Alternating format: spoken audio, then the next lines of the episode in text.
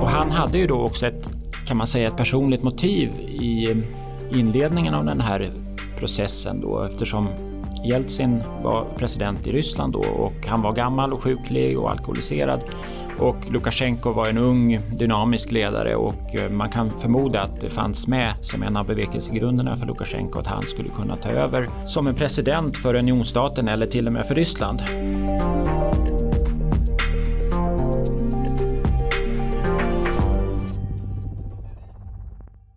I över 20 år har det pågått en integration mellan Belarus och Ryssland. Under lång tid har den här processen fördröjts av Belarus president Alexander Lukasjenko. Men sedan krisen i samband med valet i Belarus 2020 har processen fått ny fart med ökade samarbeten och flera gemensamma militära övningar. I dagens avsnitt av Rapporterat ska vi diskutera unionen mellan Belarus och Ryssland med Jakob Hedenskog, forskningsledare på FOIs program för Ryssland och Eurasien. Välkommen! Tack så mycket. Vi ska ju huvudsakligen prata om den här integrationen men vi kommer också beröra den pågående situationen med migranterna på gränsen mellan Belarus och Polen. Och vi spelar ju in det här avsnittet den 23 november 2021. Under de senaste veckorna har det pågått en konflikt mellan EU och Belarus som har utspelat sig vid gränsen till Polen. Kan du berätta lite om den?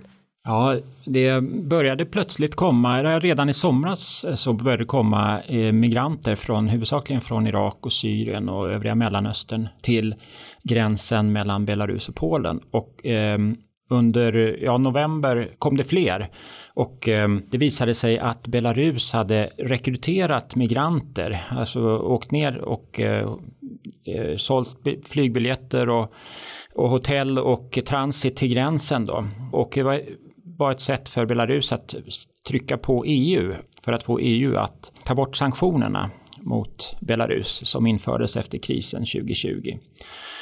Eh, så de här migranterna har använts som brickor i ett spel mellan Ryssland, Belarus å ena sidan och EU å andra sidan för att få bort EUs sanktioner mot Belarus. Det finns som sagt tydliga indikationer på att regimen i Belarus har rekryterat migranterna i deras hemländer. Då. Och väl på plats har det också funnits indikationer på att det är belarusiska säkerhetstjänsten KGB också har infiltrerat migranterna och gett dem instruktioner hur de ska agera och eh, försätta med bultsaxar och andra redskap för att klippa upp stängsel och så vidare. Och det här blev då under november en, en ganska markant kris mellan Belarus och Polen. Polen samlade då upp till 15 000 man gränspoliser längs gränsen Även Litauen påverkades och migranterna stormade gränsen vid ett flertal tillfällen. Några tog sig in under stängsel och så vidare. Och det ledde till en diplomatisk omgång också där Merkel, Tysklands förbundskansler, eller avgående förbundskansler, ringde upp Lukasjenko då för försökte få honom att desarmera den här konflikten. Så att det blev en konflikt som hade kunnat leda till eh, incidenter som i sin tur hade kunnat leda till eh, faktiskt någon form av väpnad eh, konflikt på gränsen mellan EU och Belarus. Och hur skildras det här i, i Belarus? Som du sa så eh, skildras det i väst som att man använder de här migranterna som spelpjäser. Är det så det låter i Belarus också? Nej, Belarus tar handen ifrån att man ska ha eh, Eh, själva har fixat eh, så att migranterna kom fram till gränsen utan man hävdar att de har gjort det av eget, på eget bevåg och att det är Polen och EU som visar sig vara då inhumana aktörer som inte vill släppa in dem i EU då. Eh, migranternas mål är ju inte att komma till Polen utan i första hand till Tyskland men Polen ligger ju däremellan. Och så att kritiken från Belarus och Ryssland har varit väldigt hård mot att migranterna då har inte släppts in så att säga. Och man har också skylt eh, krisen på Polen därför att Polen eh, deltog i invasionen i Irak eh, 2003 och då har både belarusiska och ryska ledningen då hävdat att nu får Polen ta hand om de här migranterna för att de då står i skuld till, till dem i Irak. Så att säga. Och den polske premiärministern påstår ju då att Ryssland ligger bakom Belarus agerande. Finns det någon sanning i det? Ja, det, det kanske är svårt att hitta klara bevis för att så är fallet, men det är ändå tydligt att Ryssland är gynnade av att kunna använda Belarus som ett ombud i sin konflikt med väst. Eventuella sanktioner mot Belarus drabbar ju inte Ryssland per se utan då enbart Belarus. Men samtidigt knyter det Belarus tätare till Ryssland. Efter krisen 2020 så har ju Lukasjenko och Belarus förlorat, i och med sanktionerna, förlorat möjligheten att, att använda västmakterna och relationerna västerut då, som en motvikt till, till, till Ryssland. Och Ryssland har, det här krisen har ju också inneburit att Ryssland har kunnat generöst erbjuda att agera som en medlare med, och erbjudit olika lösningar. Då, till exempel att EU ska betala Belarus för att ta hand om migranterna, precis som, som EU har betalat Turkiet. Då. Men det är så att Turkiet är ju ett normalt transitland för migranter från Mellanöstern till Europa. Men det kan man nog inte säga att Belarus är. De här flyktingarna har inte, det är inte en normal flyktväg så att säga för att ta sig till Europa från Mellanöstern. Och vi var inne lite på det, men hur ser kopplingen ut till den här unionstatsintegrationen ut? Kan man se den kopplingen i den här äh, konflikten?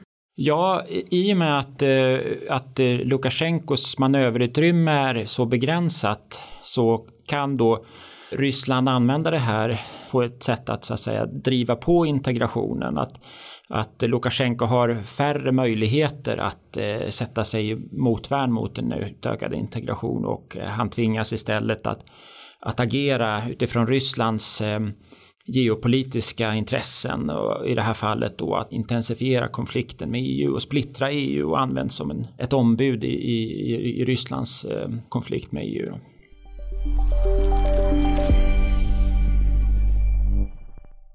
Vi ska prata lite mer om eh, den här integrationen. Eh, jag är lite nyfiken på vilka fördelar har Belarus och Ryssland av integrationen? Hur skulle du beskriva respektive nations intresse?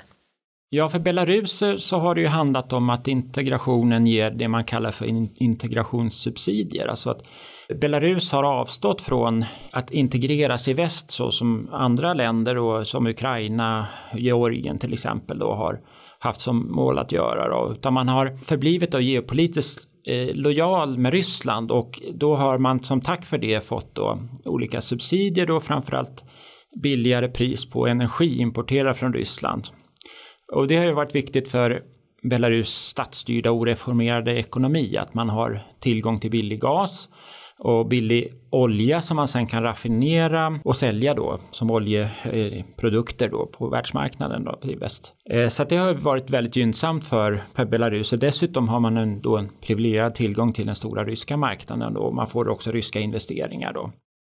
Eh, så det finns ju klara ekonomiska incitament för Belarus att fortsätta integrationen. Även Ryssland kan ju se ekonomiska fördelar. Man har en tillgång till en marknad då med nästan 10 miljoner invånare utan större konkurrens. Och framförallt så kanske man ser politiska fördelar för Ryssland och för Rysslands självbild. Det handlar om att vidmakthålla en exklusiv intressesfär i sitt närområde och då är ju en in, unionsstatsintegration med Belarus står ju väldigt högt så att säga.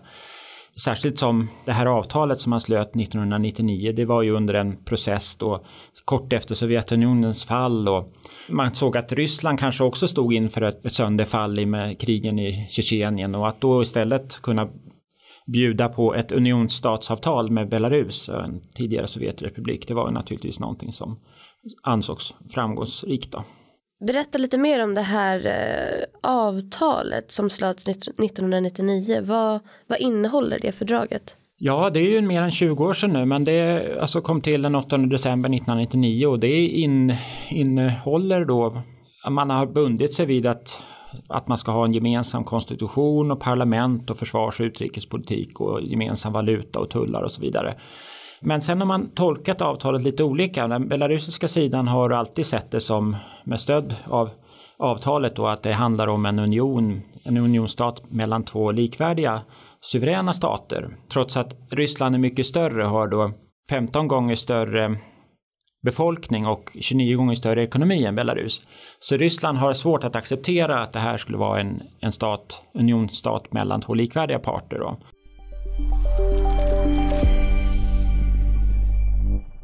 Hur eh, viktig skulle du beskriva att Lukasjenko är för den här integrationsprocessen?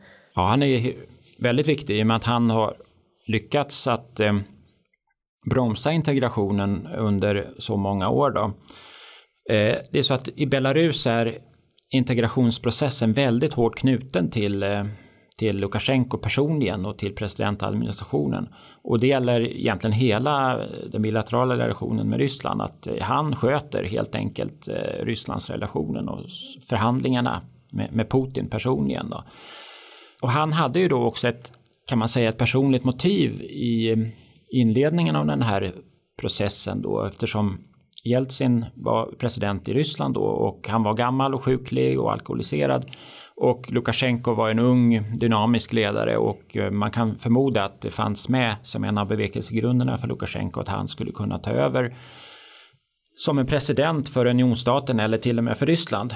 Sen kom Putin och då förändrades den där dynamiken väldigt tydligt. Då. Så hela motivet för Lukasjenko har liksom förändrats över tid. Han trodde att det skulle bli något som det inte riktigt blev.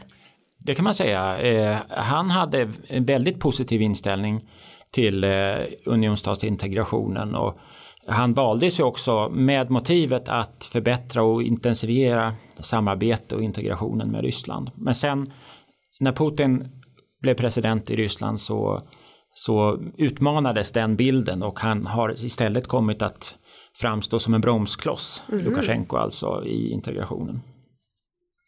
Inom vilka områden sker den här integrationen och hur liksom konkret, hur ska det gå till?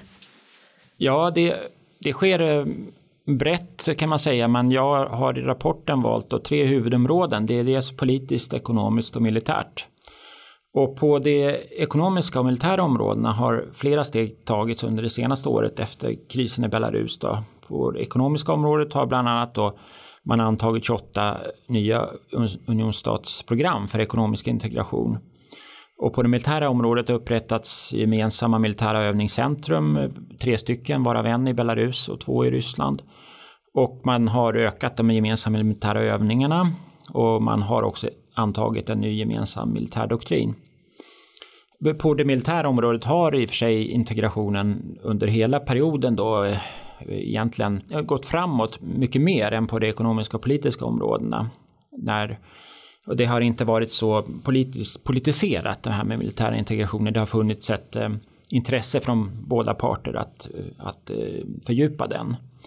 Den politiska integrationen däremot har bromsats in där Eh, om man talar om att skapa gemensamma supranationella institutioner så har den integrationen pausats och, och president Putin i Ryssland har sagt att nu ska man istället fokusera på den ekonomiska integrationen och, och bygga så att säga eh, upp en gemensam ekonomisk integration då där på vilken sen en politisk integration kan skapas.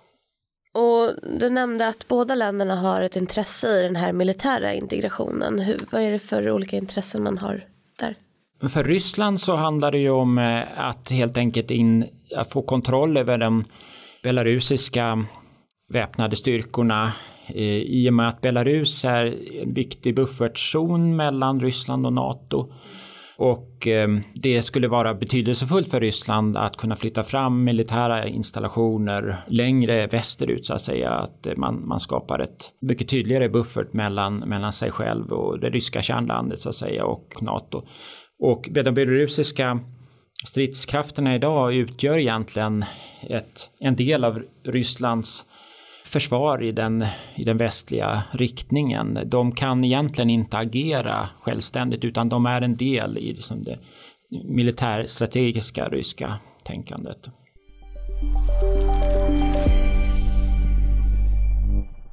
Och hur ser stödet ut bland befolkningarna i de här två länderna? Finns det liksom några motsättningar för den här integrationen?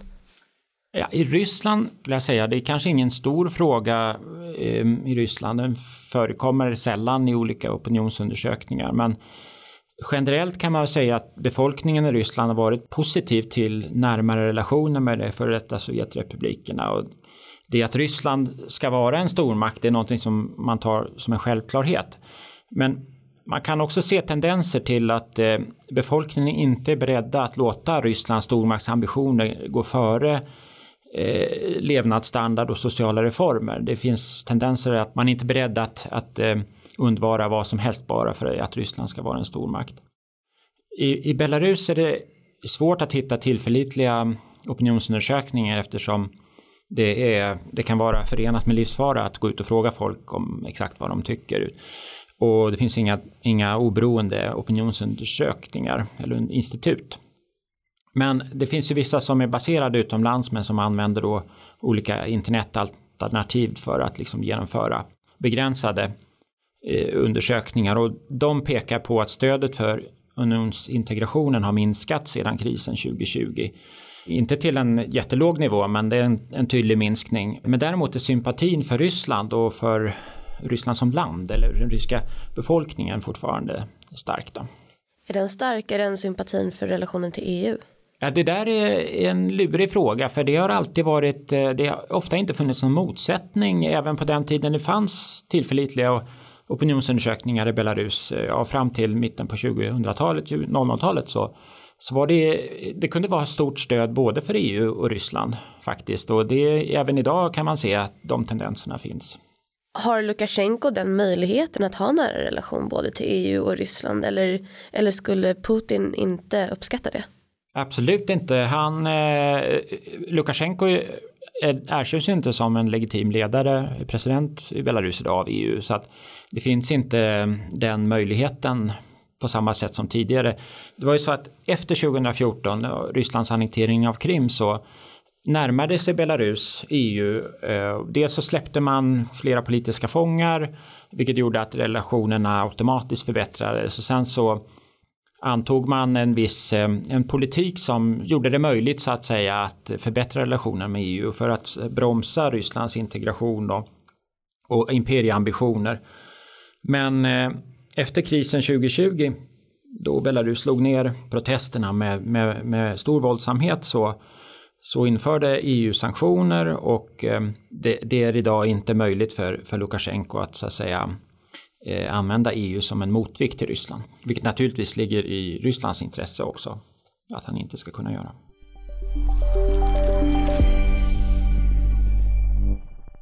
Efter valet i Belarus 2020 inleddes massiva protester mot den sittande regeringen och mot eh, Lukasjenko. Och inledningsvis så uttryckte inte Ryssland något eh, stöd för Lukasjenko. Men till synes plötsligt så förändrades detta. Varför var Rysslands stöd under den här krisen så viktigt för Lukasjenko? Ja, det, i och med att eh, alldeles kort efter valet, alltså eh, dagarna närmast efter valet så eh, utbröt protesterna och eh, då valde den belarusiska regimen att slå hårt mot protesterna och det innebar att eh, det kom kritik från EU eh, och västmakterna Eh, som du sa så svarade inte Ryssland upp riktigt eh, med en gång. Det var påfallande hur, eh, hur den ryska medierapporteringen var, var vag och närmast eh, eh, speglade händelserna opartiskt de första dagarna. Det var uppenbart att Ryssland inte hade bestämt sig hur man skulle förhålla sig till, till eh, det som skedde i Belarus. Det har ofta spekulerats i att Ryssland gärna skulle vilja bli av med Lukasjenko tidigare. I samband med val, senast också då valet 2020, så, så har det alltid funnits kandidater som man har förmodat har varit så att säga eh, ryska kandidater. Då. Men det, det har aldrig lyckats att, eh, att eh, få bort Lukasjenko genom valen för att som, han kontrollerar hela valapparaten. Då. Men den här tystnaden från, från Rysslands sida i ett läge där regimen såg ut att eh, stå på fallrepet det var väldigt, eh, det var en väldigt allvarlig situation för Lukasjenko. Sen efter några dagar så visade det sig att Ryssland hade så att säga bestämt sig för att det var viktigt att Lukasjenko i det sked, i skedet fanns kvar. Man ville inte riskera en, eh, en färgrevolution i Belarus med väldigt oförutsedda följder. Och eh, då uttalade Ryssland stöd för Lukasjenko. Putin gick ut och sa att Eh, Eh, han eh, på Lukasjenkos uppmaning hade upprättat en reservpolisstyrka som skulle kunna ingripa i Belarus om läget förvärrades ytterligare. Och man lovade eh, lån till Belarus och man aviserade också gemensamma militära övningar. Stödet för, Bel för Belarus och Lukasjenko från Rysslands sida blev helt avgörande i och med att västmakterna tog sina händer ifrån från Lukasjenko. Och Ryssland erbjöd sina stora propagandaresurser för Belarus. Det var ju så att många journalister på de statliga tv och radioföretagen eller tv-bolagen och radiobolagen vägrade att eh, rapportera den officiella linjen utan de lämnade eller blev avskedade och då ersattes, ersattes de av ryska propagandafigurer. Då. Och sen skickade då också Ryssland in eh, ja, ministrar och företrädare för, för, för, Ryssland som kunde så att säga hålla uppe den belarusiska regimen under ett kritiskt skede. Men hur påverkade då den här krisen eh, integrationen mellan Ryssland och Belarus? För det känns ju som att skadade det förtroendet för Lukasjenko att det här stödet dröjde? Hade han förväntat sig att det skulle komma snabbare? Det hade han kanske gjort och hoppats. Eh, men det var väl också ett sätt eh, för Ryssland att visa att det till syvende och sist inte fanns något annat än, än Ryssland. Han kunde inte förvänta sig något annat och han var tvungen att ställa upp på Rysslands Rysslands sätt att eh, både tolka konflikten och eh, konflikten med väst. Det fanns ju, Ryssland hävdade ju då att eh, den uppkomna situationen, krisen i Belarus, var skapad av väst eh, som ville då genom en färrevolution avsätta den belarusiska regimen. Därmed var också Lukasjenko tvungen att acceptera den, det narrativet och att, att eh, krisen var ett resultat av västaktioner. Vi pratade tidigare om politik, ekonomi och militära områden där integrationen sker. Påverkade valet i vilken takt de här sker? Blev de militära, den militära integrationen påskyndad till exempel? Ja, det kan man säga. Det var ett av eh, sakerna som kom fram i toppmöte som Lukasjenko och Putin hade i Sochi i september 2020. Eh, det var att eh, öka den militära integrationen och särskilt vad det gäller de gemensamma militärövningarna som man skulle hålla då eh, månadsvis. Och det har i princip fortsatt sedan dess och man nu också öppnat de här militära, gemensamma militära övningscentra så har, finns det en, en rysk militär närvaro i Belarus, en rotation Eh, i princip eh, ständigt på militär personal. Det är så att Ryssland har ju länge velat anlägga en militärbas i Belarus. Man har ingen egen bas där. Eh, man har militära installationer men ingen militärbas. Och det är någonting som Lukasjenko också har bromsat med hänsyn till annekteringen av Krim eftersom det visade sig vara ödesdigert att ha en rysk militärbas på sitt territorium som Ukraina hade. Men eh, den ryska militära närvaron har ökat i Belarus. Det var ju den stora Zapad-övningen i september och man har haft regelbundna övningar eh, både före och efter den. Eh, så att eh, visst har den militära integrationen påskyndats av krisen.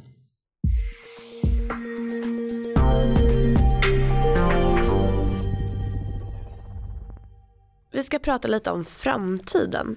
Till min stora glädje så har du använt ishockeyreferenser för att beskriva tre olika framtidsscenarier. Det är inte en slump att du har valt ishockeyreferenser för det är ju också Lukasjenkos favoritsport. Vi börjar med det första scenariot som är delaying the game. Det handlar om att vi ser en utveckling som i princip före presidentvalet och Belaruskrisen 2020 fast i kanske mm, ett snabbare tempo med integrationen. Det innebär att Lukasjenko sitter kvar som president. Det gör han ju alltjämt då, men eh, att han skulle även sitta kvar under en längre period. Eh, så det är den första varianten av det scenariot. Det andra är att han, precis som i Kazakstan, då presidenten Nursultan Nazarbayev formellt lämnade presidentposten men eh, sitter kvar som den med verkliga makten. Då. Och det, för Lukasjenkos fall skulle det kunna innebära att han sitter kvar inom säkerhetsrådet eller något som kallar all, kallas för allbelarusiska folkkongressen med ett stärkt mandat. Eh, och det här är någonting som jag ser att Ryssland skulle kunna acceptera men inte optimalt. Det innebär ju att det inte sker någon färgrevolution i Minsk, men Ryssland kanske hellre skulle se att Lukasjenko avlägsnas på något sätt. Men det är ett godtagbart scenario för Ryssland. Inga större förändringar låter det som i så fall. Det stämmer.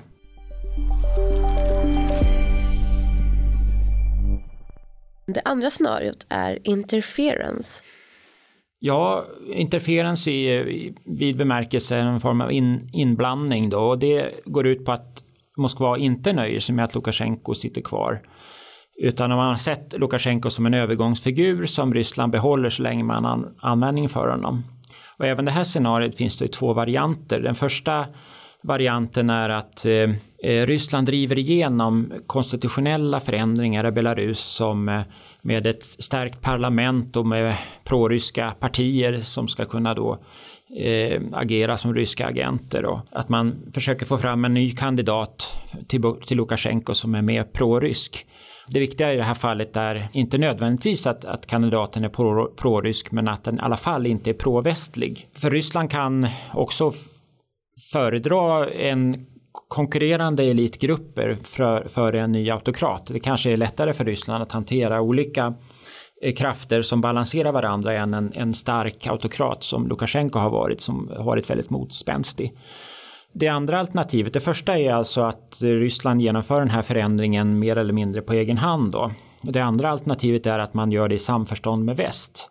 Vilket skedde till exempel i samband med ett regimskifte i Moldavien eh, för några år sedan. Och där tror jag att båda skulle kunna se fördelar att eh, bli av med Lukasjenko och för Belarus och Rysslands del så kan man då också bli av med sanktionerna mot Belarus och man skulle också desarmera den här krisen vid gränsen. Eh, Ryssland skulle kunna sälja in den här förändringen som en form av demokratisering av Belarus även om det inte, inte Ryssland skulle acceptera fullt demokratiska val och integrationen skulle kunna påskyndas. Men det kräver ganska mycket tillit då mellan väst och Ryssland att det här kan ske på ett demokratiskt sätt?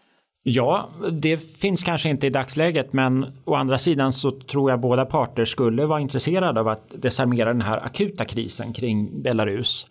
Och eh, det finns ju eh, europeiska politiker som talar om en, eh, att försöka få in Ryssland i värmen igen och utan att man på något sätt ser ett förändrat ryskt beteende varken i Belarus eller i Ukraina eller i, i dess närområde.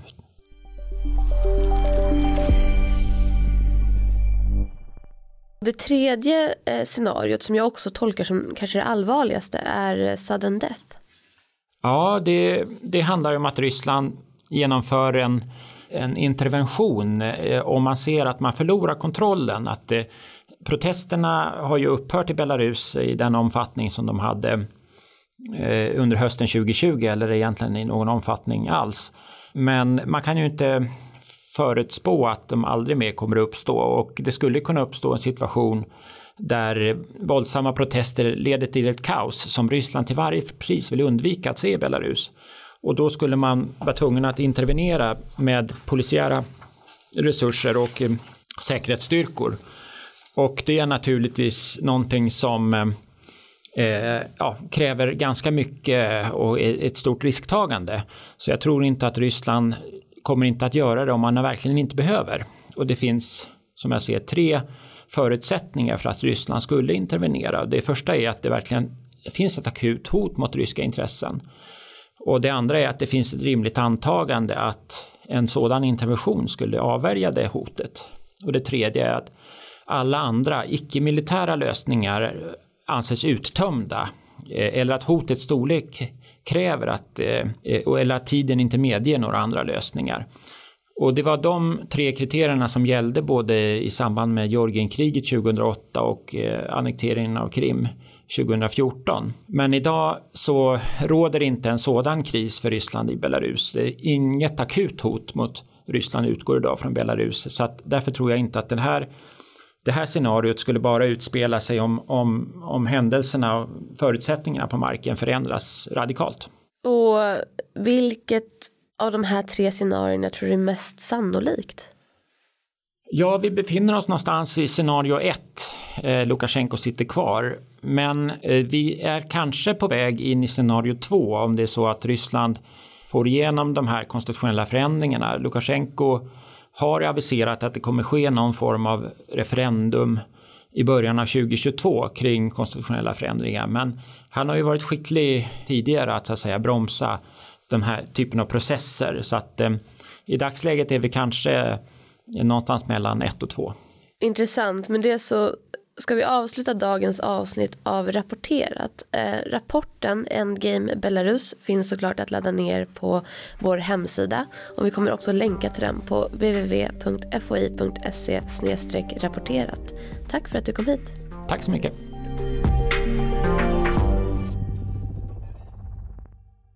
Den här podcasten har producerats av Totalförsvarets forskningsinstitut. Jag som pratar heter Madeleine Westerlund och i poddredaktionen sitter även Albert Hager Bernats och Maria Hugosson Bygge.